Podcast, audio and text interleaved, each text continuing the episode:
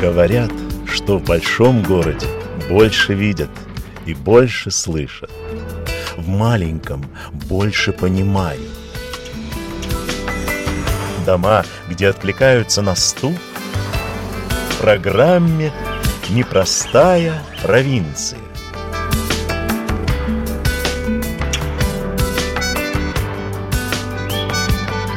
Программу «Непростая провинция» также можно послушать на веб-сайте латвийского радио 4 LR4LV и на всех основных платформах потокового вещания подкастов. Здравствуйте, я Ольга Гудис. Сегодня мы в Видземе, в 7 километрах от Валмеры. Герои программы, которая прозвучит сегодня, Дайнис и Сандра Янсены. Живут они в Валмер-Мыже. Но Дайнис привез меня сюда, в Лиготнес, в мастерскую –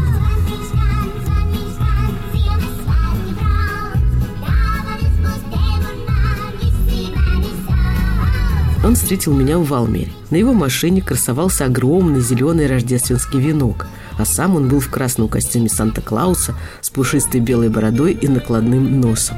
Мне он предложил тоже надеть красный колпак и рукавицы, и под музыку мы медленно поехали по улицам Валмеры на радость встречным людям и машинам.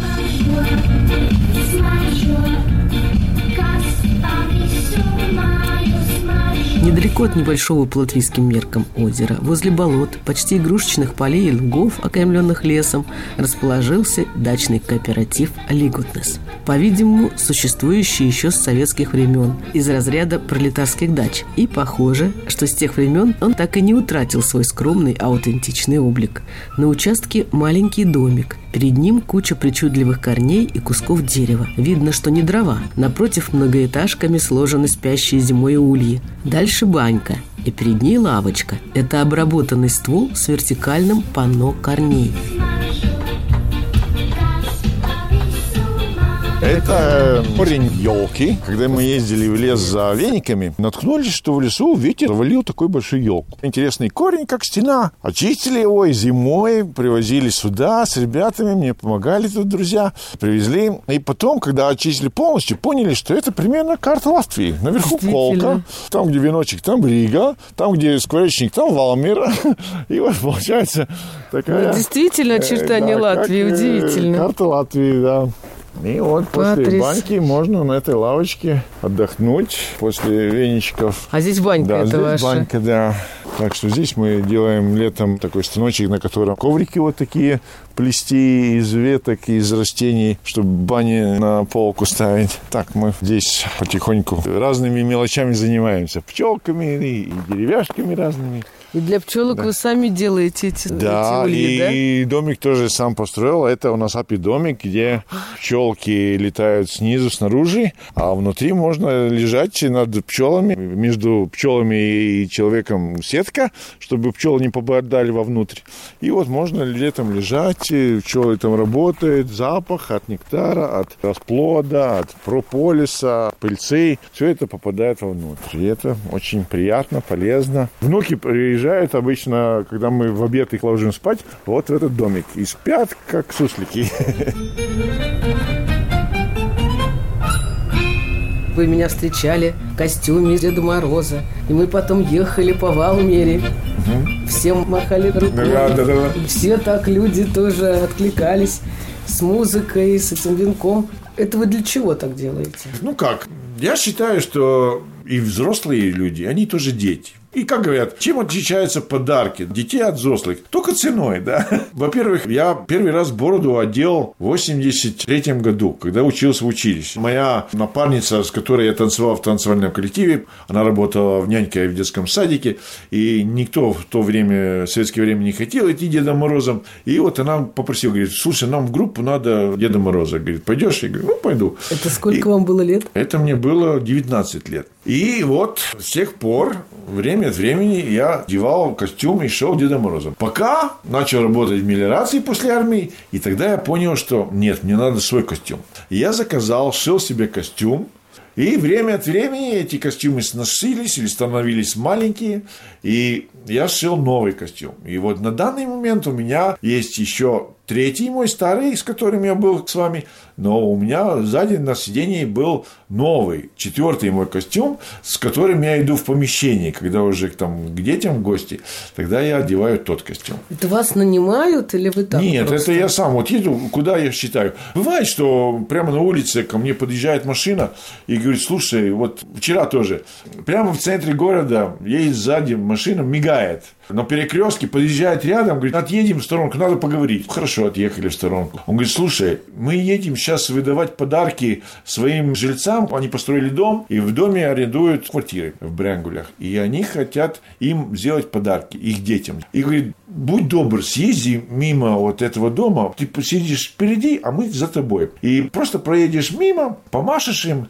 а мы потом остановимся и будем раздавать подарки. Мне что, трудно, что ли? Мне все равно, куда ехать, или вправо, или влево. И вот езжу, и как бы набираешься энергии на весь год, потому что люди машут, сигналят, детям показывают. И это настолько заряжает позитивом, что потом на весь год хватает. Я и потом... каждый год это делаю. Да. Каждый год перед праздником он так и ехает э, по городу. да, я знаю, людей везде, подвозит везде, даже. да, и да. Да.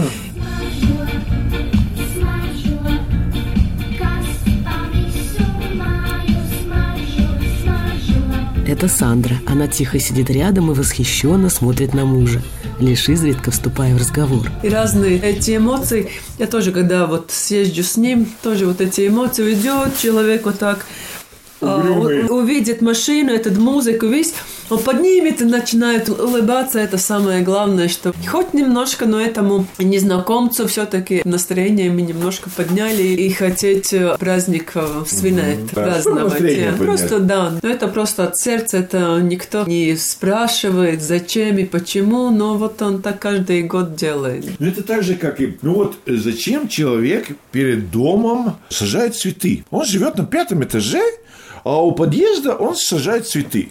Ну, не для себя же, правильно? Потому что он, как правило, эти цветы видит только в ту минуту, когда заходит в подъезд. Но люди, которые проходят мимо, им приятно.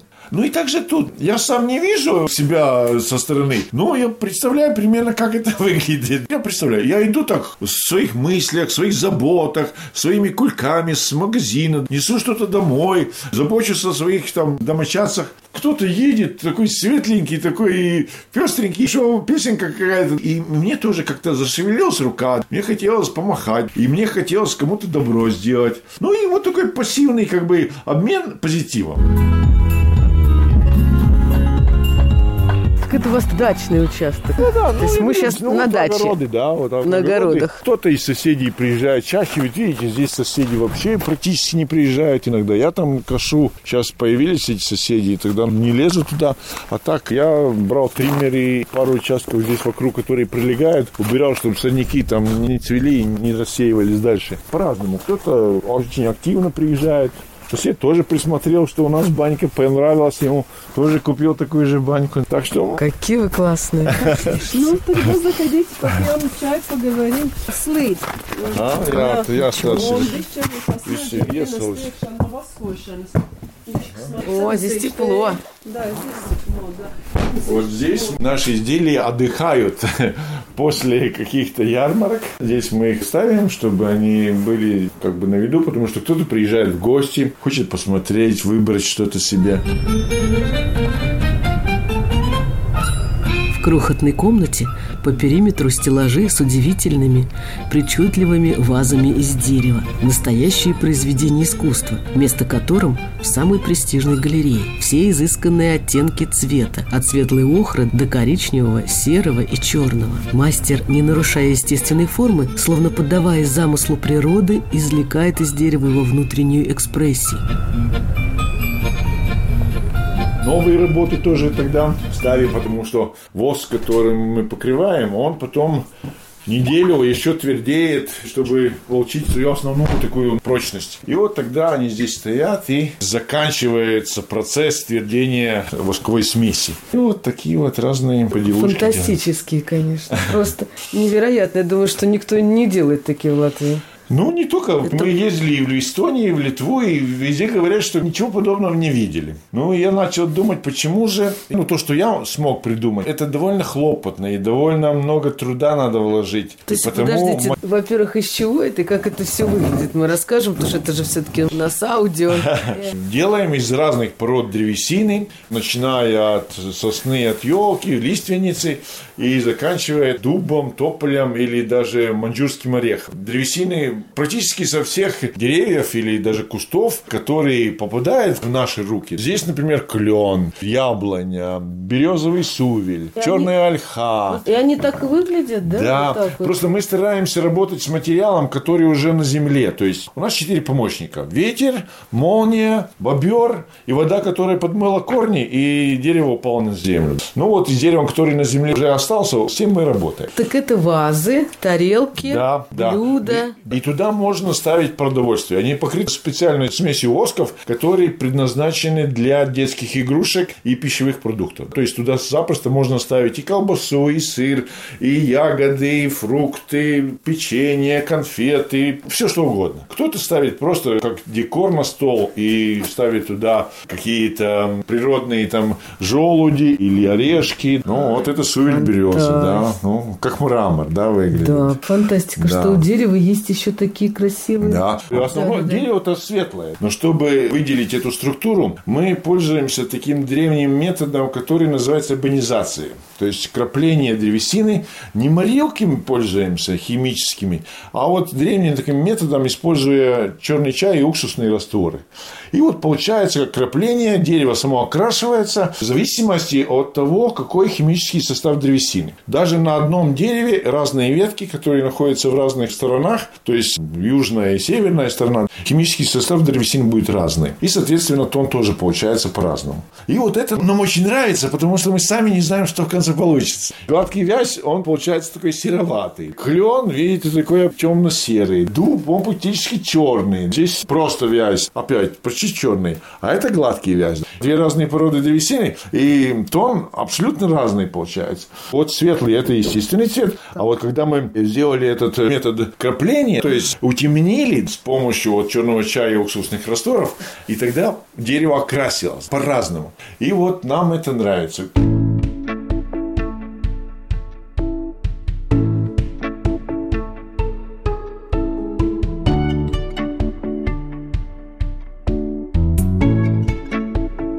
Программа «Непростая провинция» в новом году будет выходить по понедельникам в 11.05, повтор в четверг в 15.05 и суббота в 13 часов.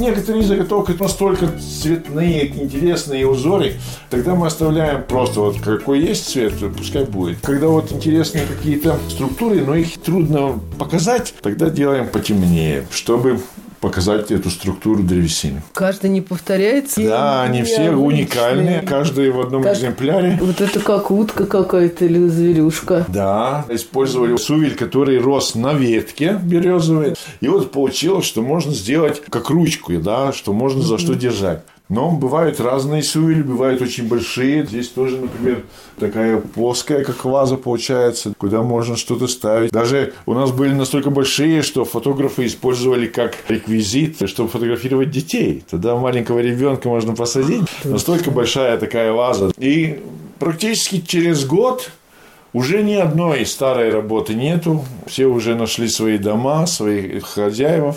И опять все совсем другое, совсем другие породы древесины. Если раньше у нас было очень много дуба, то сейчас уже дуба как-то вот вообще мало стало. Других пород как-то сейчас больше. Нам самим тоже иногда нравится что-то новое, чтобы не скучно было. И выбираем разные породы, чтобы было самим интересно тоже. Потому что это не работа ради заработка. Это наше хобби, которым мы занимаемся по вечерам, по выходным. Во-первых, мы делаем то, что нам нравится, а потом уже смотрим. Если кому-то тоже еще нравится, и кто-то решил приобрести себе, ну, слава богу. Нет, значит, мы едем как на выставку. Если другие ездят на ярмарку, то мы ездим на выставку. Показываем, рассказываем, Если это объясняем. хобби, то какая же ваша работа основная? Основная работа я учу людей столярному делу. Ну, не скажу, что ребят разных, и молодых, и не таких молодых. То есть я Колледжи? обучаю... Что? Колледжи? Это техникум, Ригас Валс Техникумс, Лимбургский филиал, и в нем вот я работаю как учитель по машинствования курс. То есть они обучаются работать на станках и обрабатывать древесину. И вот наша группа конкретно, которую я учу, она находится в Алмирской тюрьме. Да, да. Учите заключенных? Да, и есть группа сварщиков, есть группа отделочников, и вот есть столяра. Мои ребята столярному делу учатся. И по вечерам, по выходным мы вот с Сандрой, которая весь день тоже работает с людьми, в свое время обучала народным танцам, вот вечером отдохнуть от людей. Очень хорошо погладить деревяшки. Дерево ничего не говорит против, оно молчит. Правда, оно тоже бывает с характером и всегда такое податливое, как хотелось бы. Но мы уже пришли к такому мнению, что дерево, то есть каждая заготовочка, она тоже как личность, как человек, со своей судьбой. Какая-то деревяшка попала в дробилку и в котельню, какая-то какого-то пенсионера дровяник, какая просто гниет в лесу, какая-то попала к нам в руки, к нашим клиентам на стол и продолжает свою вторую жизнь. К вам это им повезло, конечно. Ну да, некоторым, даже людям, кому-то везет больше, кому-то везет меньше, у кого-то ран больше, у кого-то меньше, кто-то более податливый, кто-то более такой упрямый. И также деревяшки тоже наши, они бывают упрямые, бывает, что мы начинаем обрабатывать и понимаем, что что-то не идет, что-то не вяжется. Оставим в сторонку, через месяц опять вытаскиваем. Бывает даже, что на год она лежит, не трогаем а потом опять как-то в руки попала. Нет, ну надо ее закончить. И вот в несколько заходов, пока мы находим общий язык, и я увижу, что же из нее сделать. Меня часто спрашивают, а как вы видите, вот что там будет в конце? Я говорю, когда я в лесу набираю деревяшки, я еще ничего не знаю. Я не знаю, что получится. И когда начинаешь уже делать, потихоньку, потихоньку. Там трещина надо убрать, там какая-то ямочка надо убрать, там рука дрогнула и пила слишком глубоко запилила и надо выровнять. И вот все вместе эту форму как бы образовывает, образовывает, и в конце получается изделие, какое оно есть. Это не так, что я вот сначала придумал, вот будет такая и такое делаю, как художник, например. Придумал, скульптура будет. И вот сейчас он делает скульптуру там Геракла. У нас все по-другому. Мы Вы просто так поводу. плывем по течению, Как и говорится, как получится, да. так получится.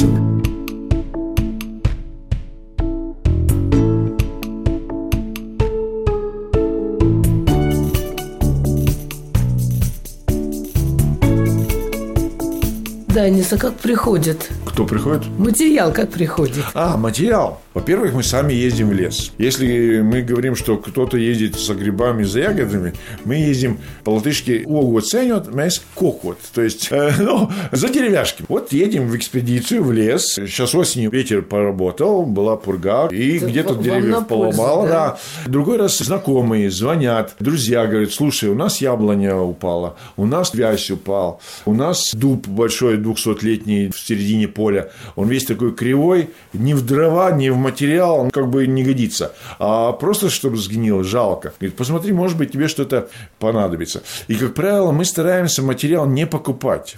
Есть очень отзывчивые люди, которые нам помогают, настолько душевные, настолько тоже относятся ответственно к дереву, что мы, получив материал, получив заготовки, мы не можем их оставить с пустыми руками, мы им взамен везем мед. Мы меняем, да, то есть материал на мед. Такой своего рода бартер получается.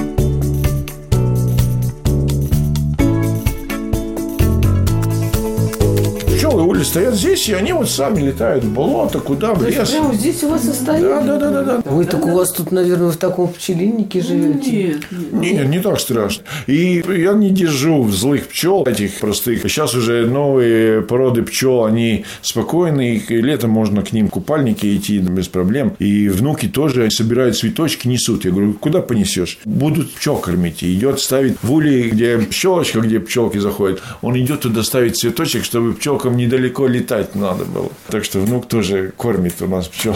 Ну вот. И иногда, я не знаю, как это так получается, что люди, с которыми мы встречаемся, они тоже какие-то особенные. Иногда кажется, что много-много хороших людей вокруг. Например, Поехали на одну ярмарку в парк. Поставили палатку, разложили свой товар. Подходят местные садовники, и мы их как бы так по плечу похлопали, сказали, молодцы. Мы видели с утра, пока палатку ставили, что вы не только листья сдували с дорожек, но даже лужу, которая образовалась, вы эти листодувом сдули воду с тротуара, чтобы люди, которые ходили, не пачкали обувь и как бы по сухому. И они посмотрели на наши изделия, и они говорят, вам материал нужен? Я говорю, ну, смотря какой. Говорит, ну, вот подойдете, посмотрите. Подошли к их месту, где стоят инструменты, где их как бы база в углу. И там стоят напиленные разные, ну, как в парке. Ветка упала, дерево какое-то засохло, его спилили. И вот разные такие куски древесины стоят, сложено как дровишки у стеночки. Но что меня поразило, уже на умершем дереве,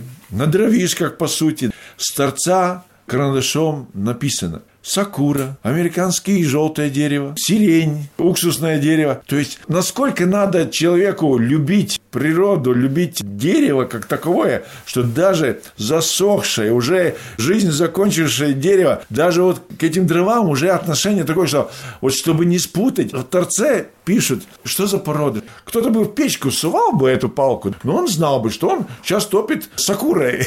да? И так мы получили несколько кусочков ветки маньчжурского ореха, получили такие интересные, по сути, уникальные заготовки, которые, ну, так бы расщепили бы в щепу и просто бы стопили. И никто бы даже не задумывался и не вспомнил и не почувствовал бы то, что его дом сейчас отопили деревом, которое садили 200 лет назад. Был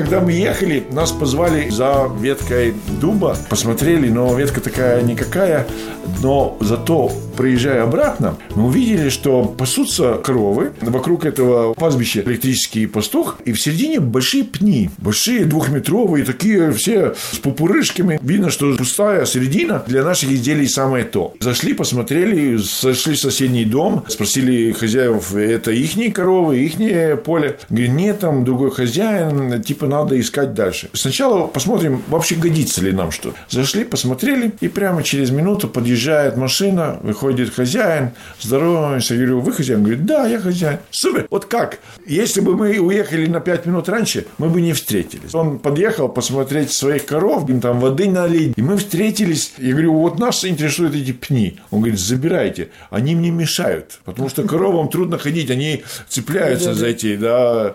Он был доволен, что мы эти пни убрали, мы были довольны, что мы получили интересный такой материал. И вот таких случаев уйма.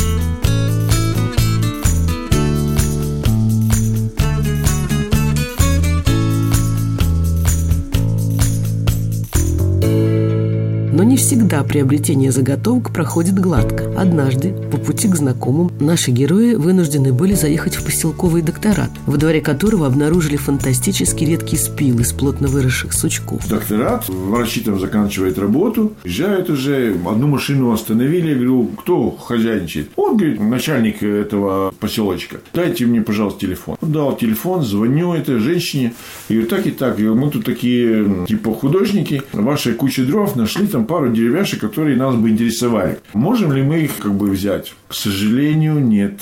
Я говорю, ну так пару деревяшек. Да, но это пагоста поселочный, как бы самоуправый материал, и я вам не могу разрешать, потому что, ну, вот это типа, ну, незаконно это. Это то, что в печку потом пойдет. Да. Да, да, да. Ну вот и я вот э, понимаю, что да, но человек, он боится, что его могут подставить. Но сейчас много разных провокаций тоже. Сначала спросит, помоги, а потом скажут, вот разбазариваете. И человек просто побоялся, и с одной стороны он все сделал по букве правильно. Он не должен разбазаривать общественное добро. Но я говорю, ну это очень редко. И Вы просто сожгете. Давайте мы вам взамен привезем какие-то дрова. Говорит, вот, к сожалению, говорит, вот не могу вам помочь. Я говорю, ну ладно, бог с вами. Разговор закончили. Мы все равно эту деревяшку взяли.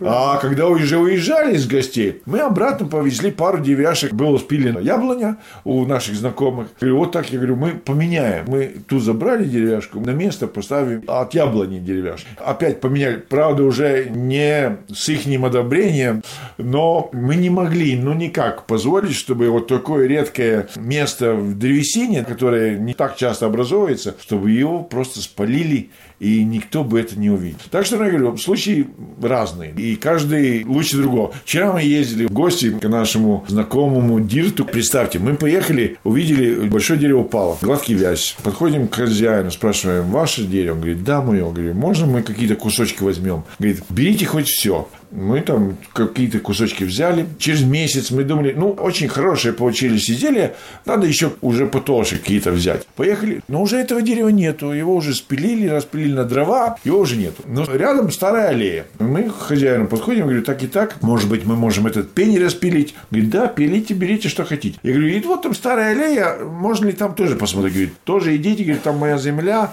и без проблем. Там старые пни яснее. Получается, заехать нельзя на машине, и надо нести очень далеко. Куски большие. Ясень тяжелый. Да, и мы вот звоним ему, спрашиваем, видели, что у него большой газон, и, ну, скорее всего, на тракторе косил свой газончик. Я говорю, нельзя ли на твоем маленьком тракторе, может быть, есть прицепчик какой-то, мы можем на нем вывести до дороги, чтобы потом уже загружать машину, и где-то за три раза мы там в багажнике бы перевезли бы эти заготовки. Он говорит, хорошо, вы звоните, когда вы будете готовы, я подъеду, привезем. Мы там закончили заготавливать эти все детали и звоним. Можешь подъезжать? Через пару минут он едет на тракторе с большим ковшом спереди. Погрузчиком. Фронтальный ковш. Подъехал. Прямо ковш поставляет к этим заготовкам. Мы их загружаем. Полный ковш с горочкой. И куда надо везти? Мы говорим, до дороги. Вот наша машина стоит. Он говорит, так вы в эту Тойоту ничего не сможете загрузить. Я говорю, ну, будем три раза ехать. А куда вы повезете? Я говорю, ну, вот тут Лиготнес, это 7 километров от Валмира. Он то подумал, говорит, давай мне адрес, и я вам отвезу прямо до мастерской. Я говорю, а как на тракторе? Он говорит, не, у меня машина тоже есть, на которой я дрова вожу. Вот, и представьте, и мы приезжаем сюда, еле успели сходить, взять банку меда, как он подъезжает уже с нашими материалами. Нам не пришлось ни грузить, ни в свою машину запихивать. Он привез, выгрузил, я говорю, сколько я тебе должен?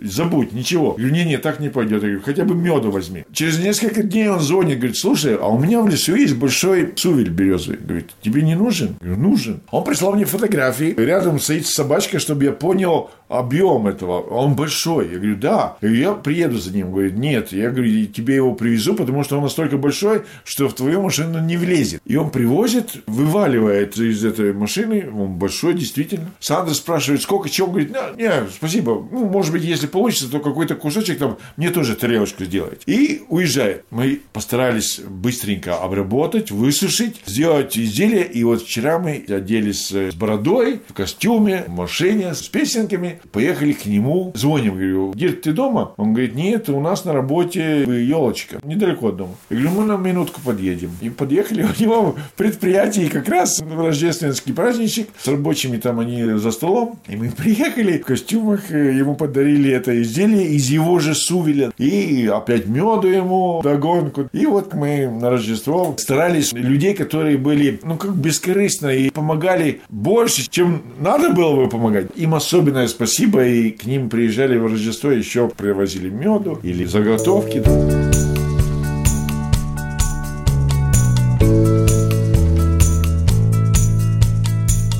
Про клен. Про клен, да, тоже. Мой знакомый с автосервиса звонит, говорит, слушай, у меня тут один клиент говорит, что у него у дороги старый ясень. Пустая середина уже грозится падать на дорогу. Может быть, тебе интересно, ты заодно уберешь в Матышах. Это несколько километров от Валмира. Поехали туда, уже с пилой, смотреть, что это же это за старый ясень.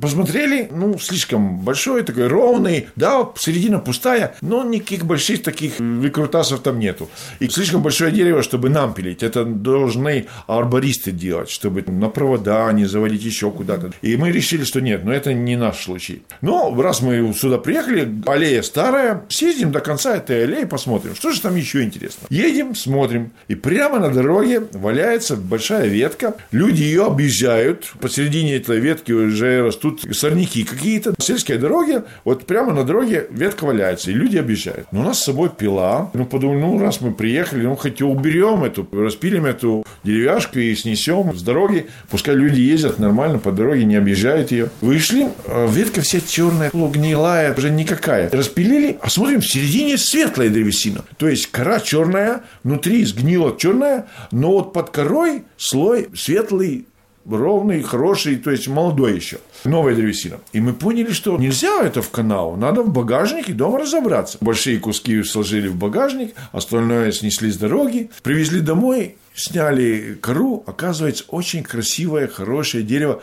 красивый клен.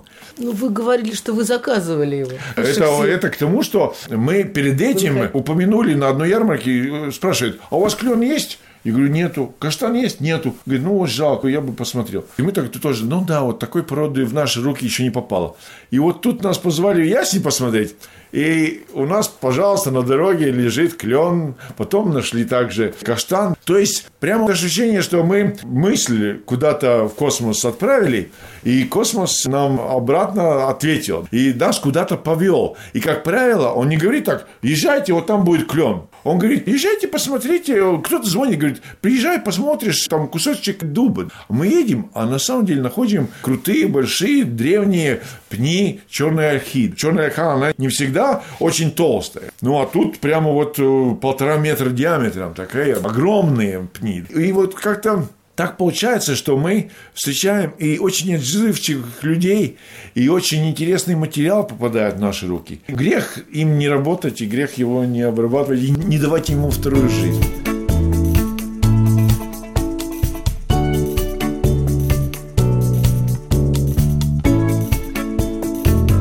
Сегодня в дачном поселочке Лиготнес Валмерского края мы познакомились с Дайнисом и Сандрой Янсенами, которые считают, что у деревьев, как и у человека, своя история и своя судьба. И здорово, если даешь им шанс на новую жизнь. Продолжение следует. С вами была программа «Непростая провинция». Редактор компьютерного монтажа Инга Беделе, автор программы Ольга Гудис. Если вам понравился этот подкаст, порекомендуйте его своим друзьям и поделитесь им в социальных сетях. Нажмите сердечко или поставьте пятизвездочную оценку платформе, на которой вы нас слушаете. Спасибо. Всего вам доброго. До встречи через неделю. И с Новым годом.